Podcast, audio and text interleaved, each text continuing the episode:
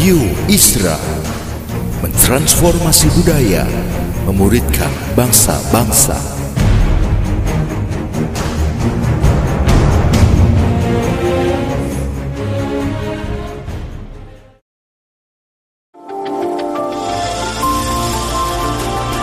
Voice of Pradaim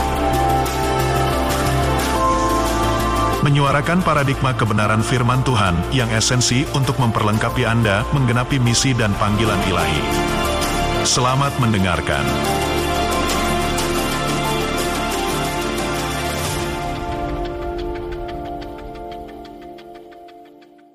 Mengapa ada orang yang memiliki bakat yang hebat dan tingkat kecerdasan yang tinggi, namun ternyata dalam kehidupan sehari-hari ia tidak mengalami keberhasilan? Hal ini dapat kita lihat pada teman-teman sekolah kita di masa dulu. Tentu sudah masih ingat akan teman-teman saudara yang dipandang sebagai para murid yang sangat pandai. Nilai ujian mereka selalu di atas teman-teman yang lain. Sedemikian pandainya sehingga kalau ada tes, guru belum selesai menulis soal di papan tulis, mereka sudah selesai menulis jawabannya. Luar biasa bukan? Sekarang sekian tahun telah berlalu dan mereka telah bekerja. Ternyata kita dapati sebagian dari mereka karir atau usahanya dalam keadaan yang begitu-begitu saja. Sedangkan kita yang dulu nilainya pas-pasan, bahkan dapat lulus sekolah hanya karena diloloskan oleh guru atas dasar belas kasihan, ternyata sudah bekerja justru mencapai keberhasilan yang lebih daripada mereka yang sangat pandai tersebut. Mengapa demikian? Apakah karena untuk mencapai keberhasilan orang tidak perlu bahkan tidak boleh memiliki kepandaian yang bersifat istimewa? Tentu memiliki kepandaian yang menonjol adalah boleh-boleh saja. Karena dalam kenyataan ada orang yang pandai dan mereka berhasil dalam pekerjaannya. Sebagaimana ada juga orang yang walaupun pandai namun hidupnya tidak berhasil. Demikian pula ada orang yang memiliki banyak bakat seperti bakat menyanyi, memainkan berbagai alat musik, melukis, dan berbagai kemampuan lainnya. Namun hidup mereka diwarnai dengan kegagalan. Kalau begitu, apakah faktor yang menentukan keberhasilan dari seseorang? Keberuntungankah, nasibkah, atau ada faktor yang lain? Hal itulah yang diteliti oleh Angela Duckworth, profesor dalam bidang psikologi pada University of Pennsylvania di Amerika Serikat. Penelitian yang bermula dari pengamatannya atas para murid di sebuah sekolah menengah di San Francisco, di mana ia bekerja menjadi seorang guru. Di sekolah itu Angela mendapati bahwa ternyata ada banyak murid yang memiliki IQ atau tingkat kecerdasan yang tinggi, namun nilai akademis yang mereka capai justru di bawah para murid yang lain. Berangkat dari pengalamannya tersebut, Angela meneruskan pendidikan doktoral dan menjadi seorang profesor dalam bidang psikologi. Kemudian ia melakukan penelitian untuk mengetahui apakah faktor-faktor yang menentukan keberhasilan seseorang. Berdasarkan penelitian yang ia lakukan di berbagai lembaga pendidikan, termasuk di Akademi Militer Amerika Serikat, yaitu West Point, ia mendapati keberhasilan seseorang tidaklah semata-mata ditentukan oleh tingkat kecerdasan yang bersangkutan. Namun grit atau ketaban orang itu juga memiliki peranan yang menentukan. Hasil penelitian tersebut ia tuangkan dalam bukunya yang berjudul Grit, The Power of Patience and Perseverance. Dalam bukunya itu ia menjelaskan bahwa ketaban atau grit merupakan gabungan antara semangat dan kegigihan. Berbeda dengan tingkat kecerdasan atau IQ yang terbawa sejak lahir, maka ketabahan merupakan hasil pembentukan di sepanjang kehidupan sehingga dapat ditingkatkan.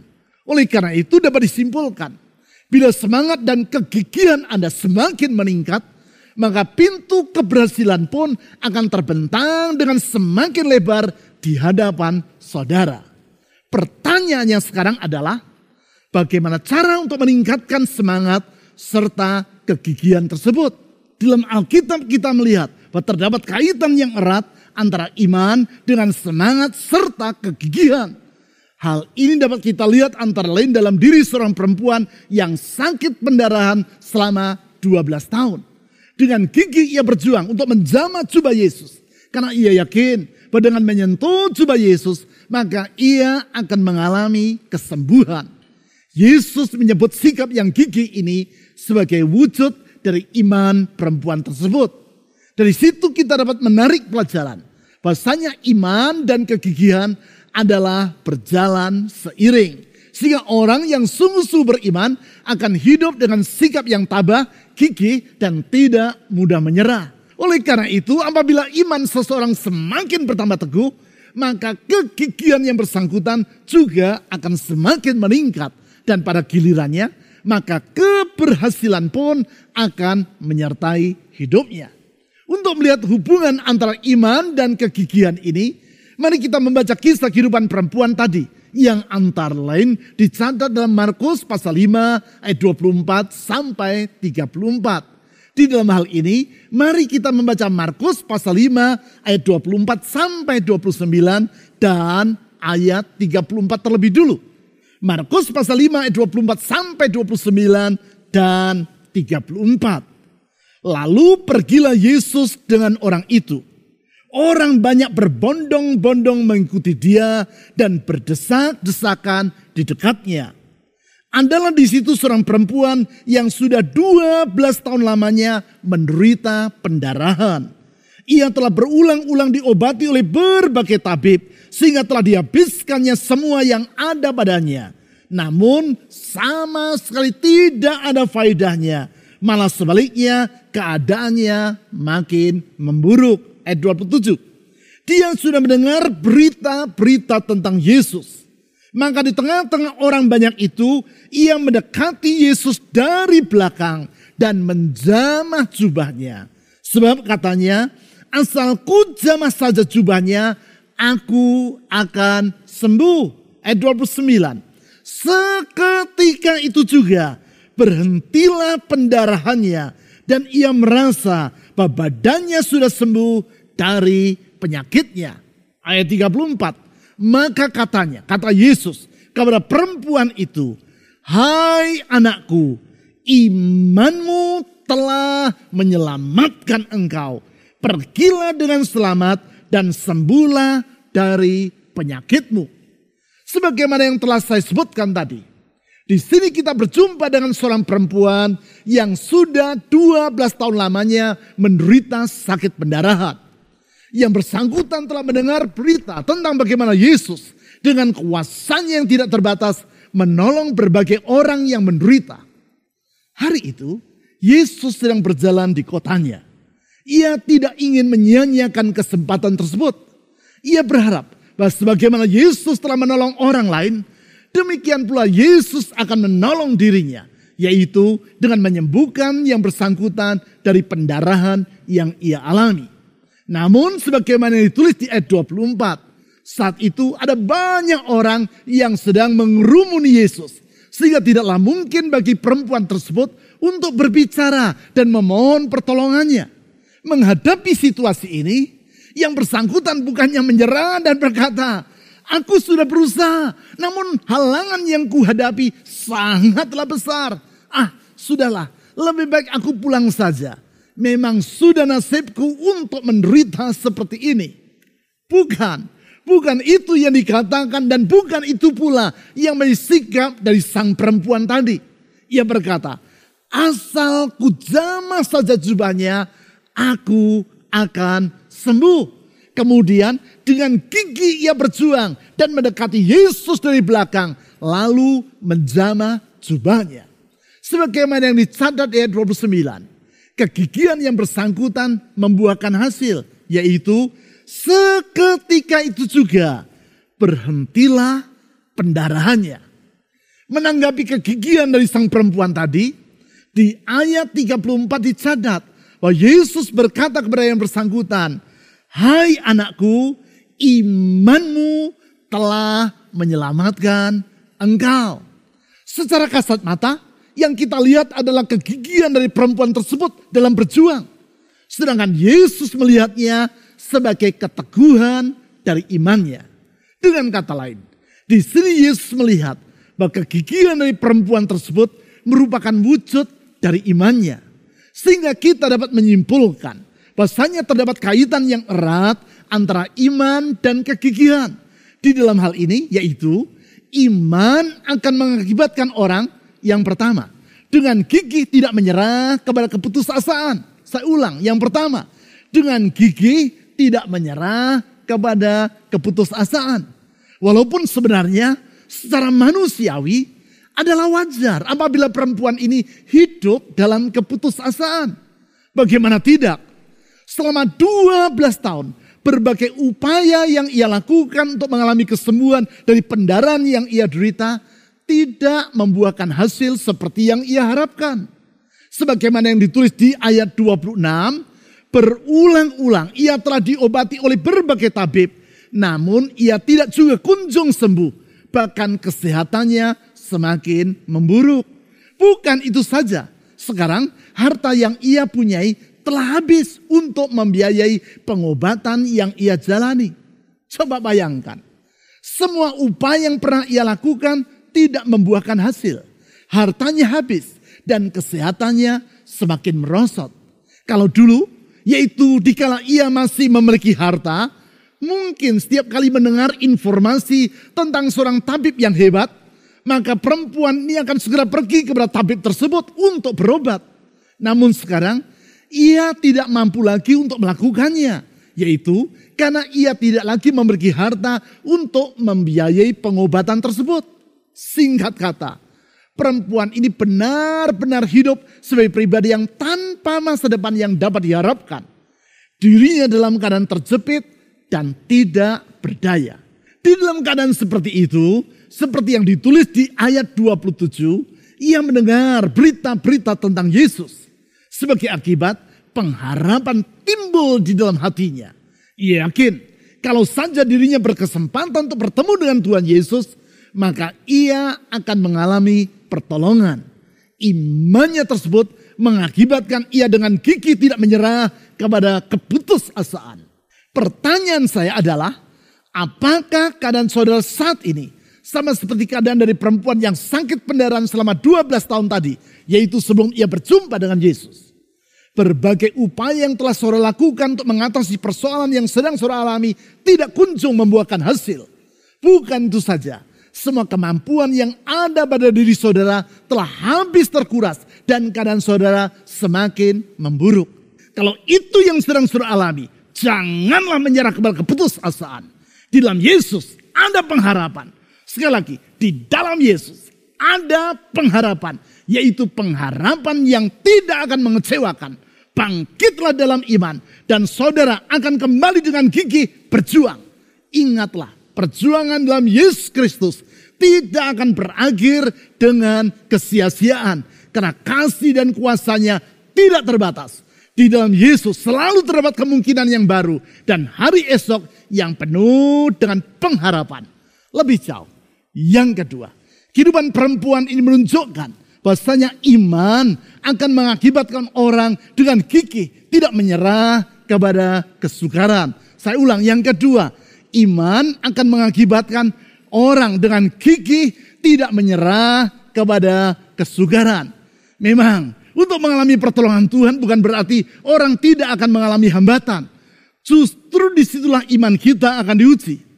Apabila kita menghadapi kesukaran dengan iman yang teguh, maka kita akan terus berjuang dengan gigih. Kegigihan yang membuahkan keberhasilan. Pentingnya kegigihan ini dapat kita lihat dalam kehidupan Thomas Alva Edison. Pribadi yang menemukan kawat pijar yang memungkinkan lampu listrik untuk menyala dalam waktu yang cukup panjang. Untuk menemukannya, Edison melakukan ribuan eksperimen. Walaupun berulang-ulang mengalami kegagalan, namun ia tidak menyerah. Dengan gigi ia terus melakukan berbagai percobaan sampai akhirnya ia menemukan bahan yang tepat untuk membuat kawat pijar seperti yang ia harapkan. Tentang pentingnya sikap gigi tersebut, ia berkata seperti demikian. Genius is 1% inspiration and 99% perspiration. Kejeniusan adalah satu persen karena inspirasi.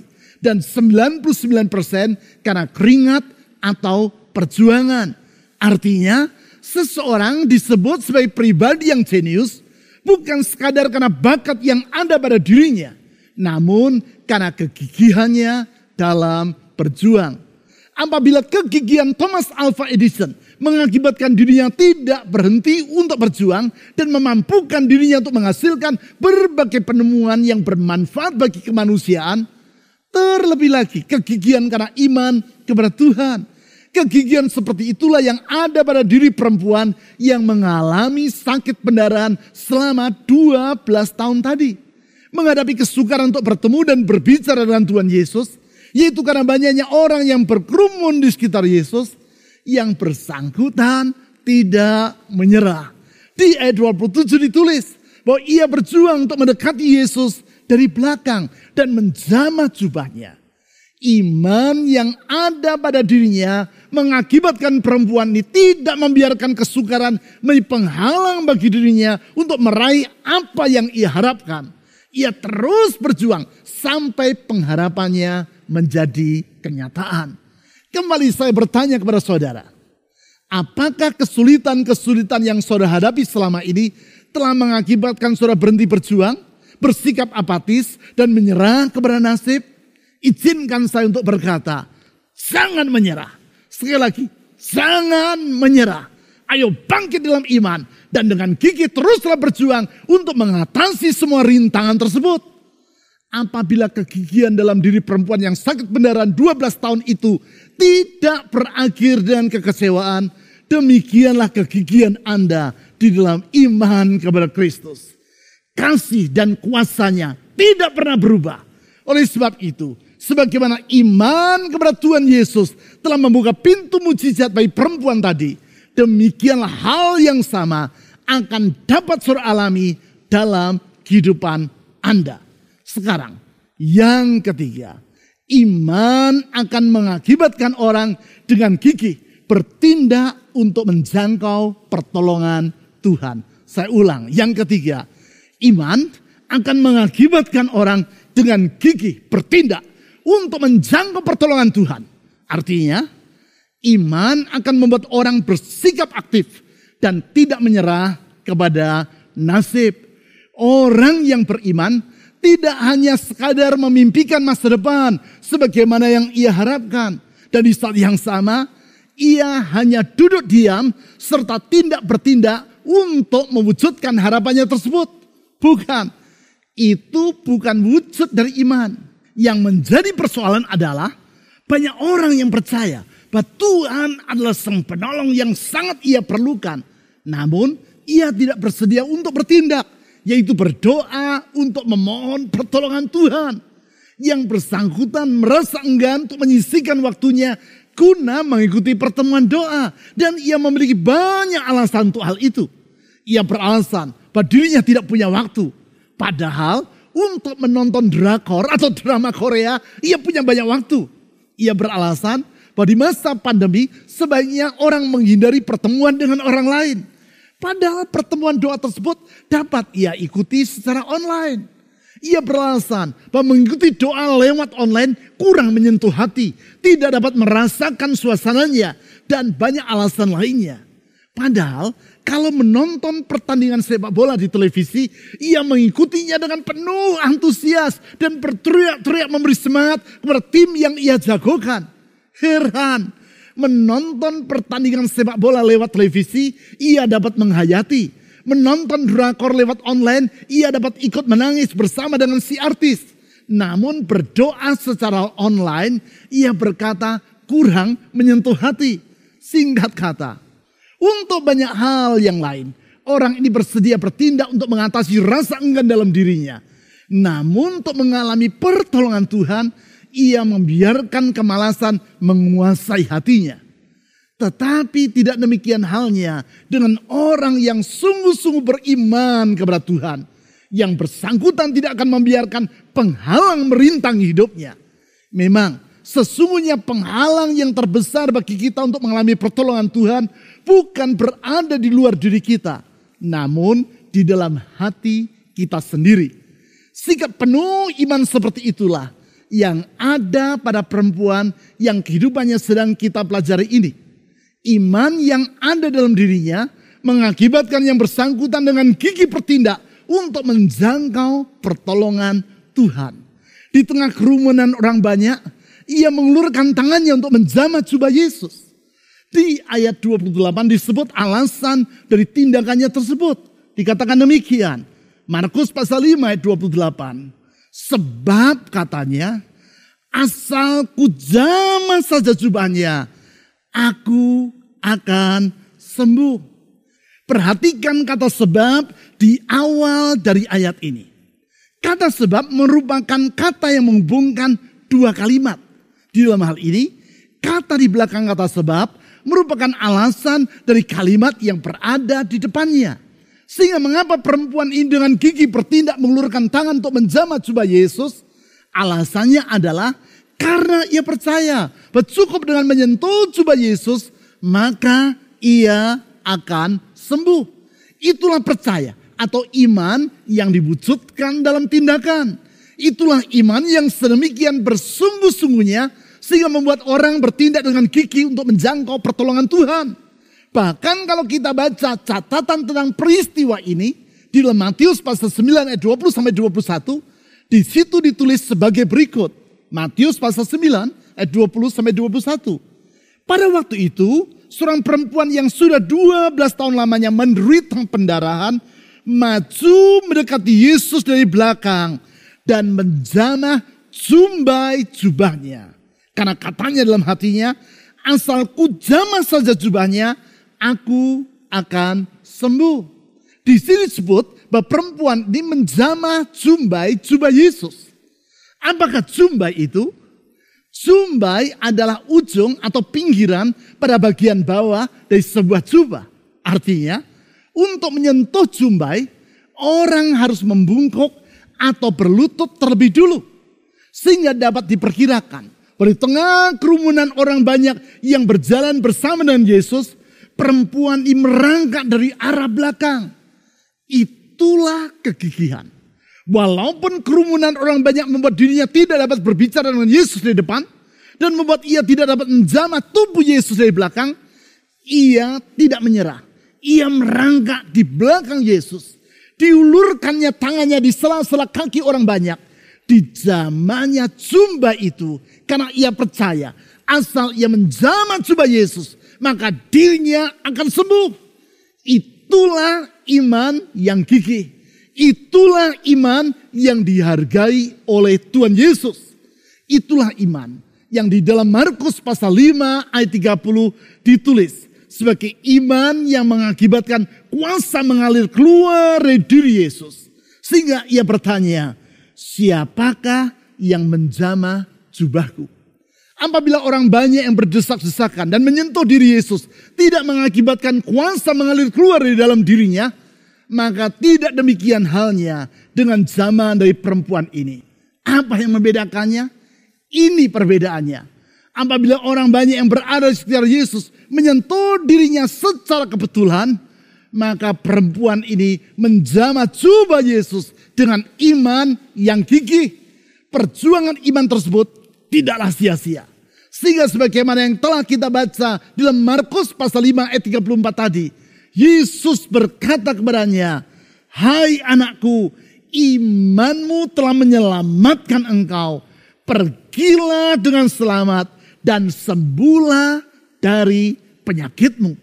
Sekarang, maukah saudara melakukan hal yang sama seperti yang dilakukan oleh perempuan ini? Yaitu dengan iman yang gigih, saudara tidak bersedia menyerah kepada keputusasaan. Dengan iman yang gigih, saudara tidak bersedia menyerah kepada kesukaran. Dan dengan iman yang gigih, saudara bertindak untuk mengalami pertolongan Tuhan. Artinya, seberat apa pun kesukaran yang sedang saudara alami. Dan sebesar apa pun rintangan yang menghadang, saudara tidak bersedia untuk menyerah. Dengan iman yang gigih, saudara terus mengulurkan tangan kepada Tuhan melalui doa mengulurkan tangan kepada Tuhan melalui pujian dan penyembahan kepadanya.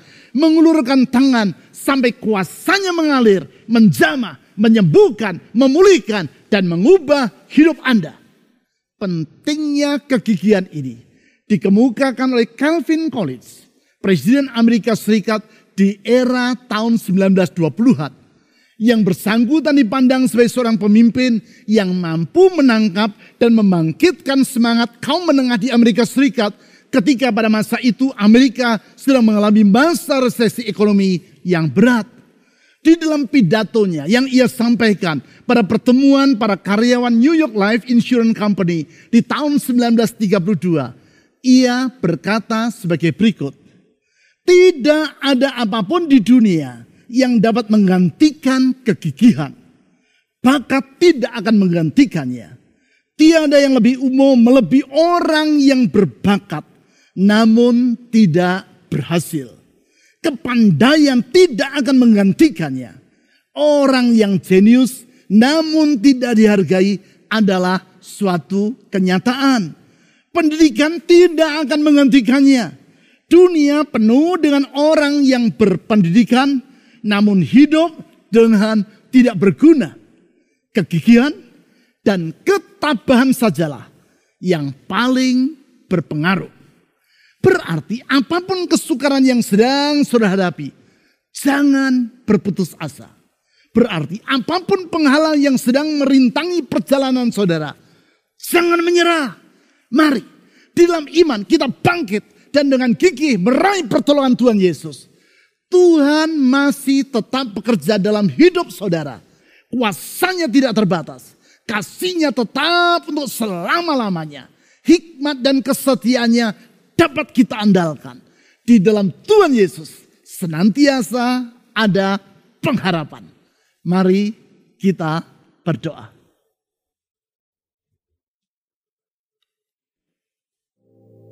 Tuhan Yesus, kalau kami memandang dirimu kami tidak akan pernah berputus asa. Karena di dalam engkau kami melihat ada pengharapan. Pengharapan yang tidak akan mengecewakan. Karena kasihmu, kuasamu, hikmatmu, dan kesetiaanmu tidak terbatas. Dan tetap untuk selama-lamanya. Tuhan Yesus, Engkau telah memberi teladan kepada kami untuk hidup di dalam kegigihan. Dengan gigi engkau menghadapi setiap kesukaran dengan gigi engkau menanggung salib bagi kami sampai mati demi keselamatan kami, demi membuka pintu jalan keluar dan masa depan yang baru bagi hidup kami. Oleh karena itu saat ini kami berkata, setiap keputusasaan, setiap kekhawatiran, kami tolak dalam nama Yesus Kristus. Kami tidak mau lagi hidup dalam keputusasaan, tetapi dalam iman kami akan bangkit, berjalan bersama dengan Yesus, menyongsong masa depan yang baru yang Tuhan Yesus sediakan. Dalam iman kami akan bangkit meraih pertolongan Tuhan karena pertolongan Tuhan Yesus sungguh benar dan pasti adanya. Tuhan Yesus, saya berdoa untuk setiap orang yang memanggil namamu, berseru memohon pertolonganmu. Tuhan ulurkan pertolonganmu tepat pada waktunya. Karena kami percaya engkau tidak pernah terlambat dalam bekerja. Engkau selalu membuka jalan tepat pada waktumu. Oleh karena itu saat ini kami dengan iman berkata, di dalam Tuhan Yesus, pertolongan, mujizat, kesembuhan, pemulihan terjadi dalam nama Tuhan Yesus. Kepadamu ya Tuhan Yesus, kami mengangkat doa, iman dan pengharapan kami di dalam nama di atas segala nama, nama Yesus Kristus, Tuhan dan Juru Selamat yang hidup. Amin.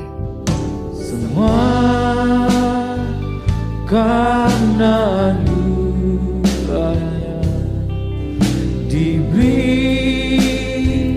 diberikannya pada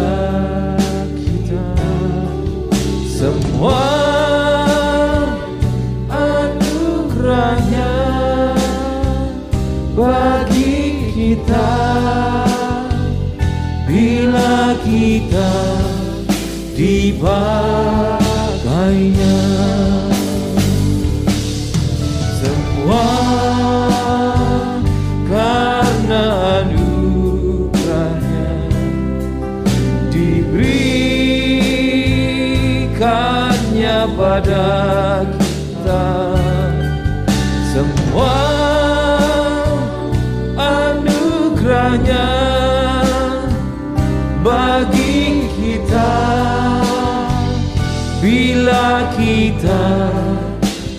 Bila kita dipakainya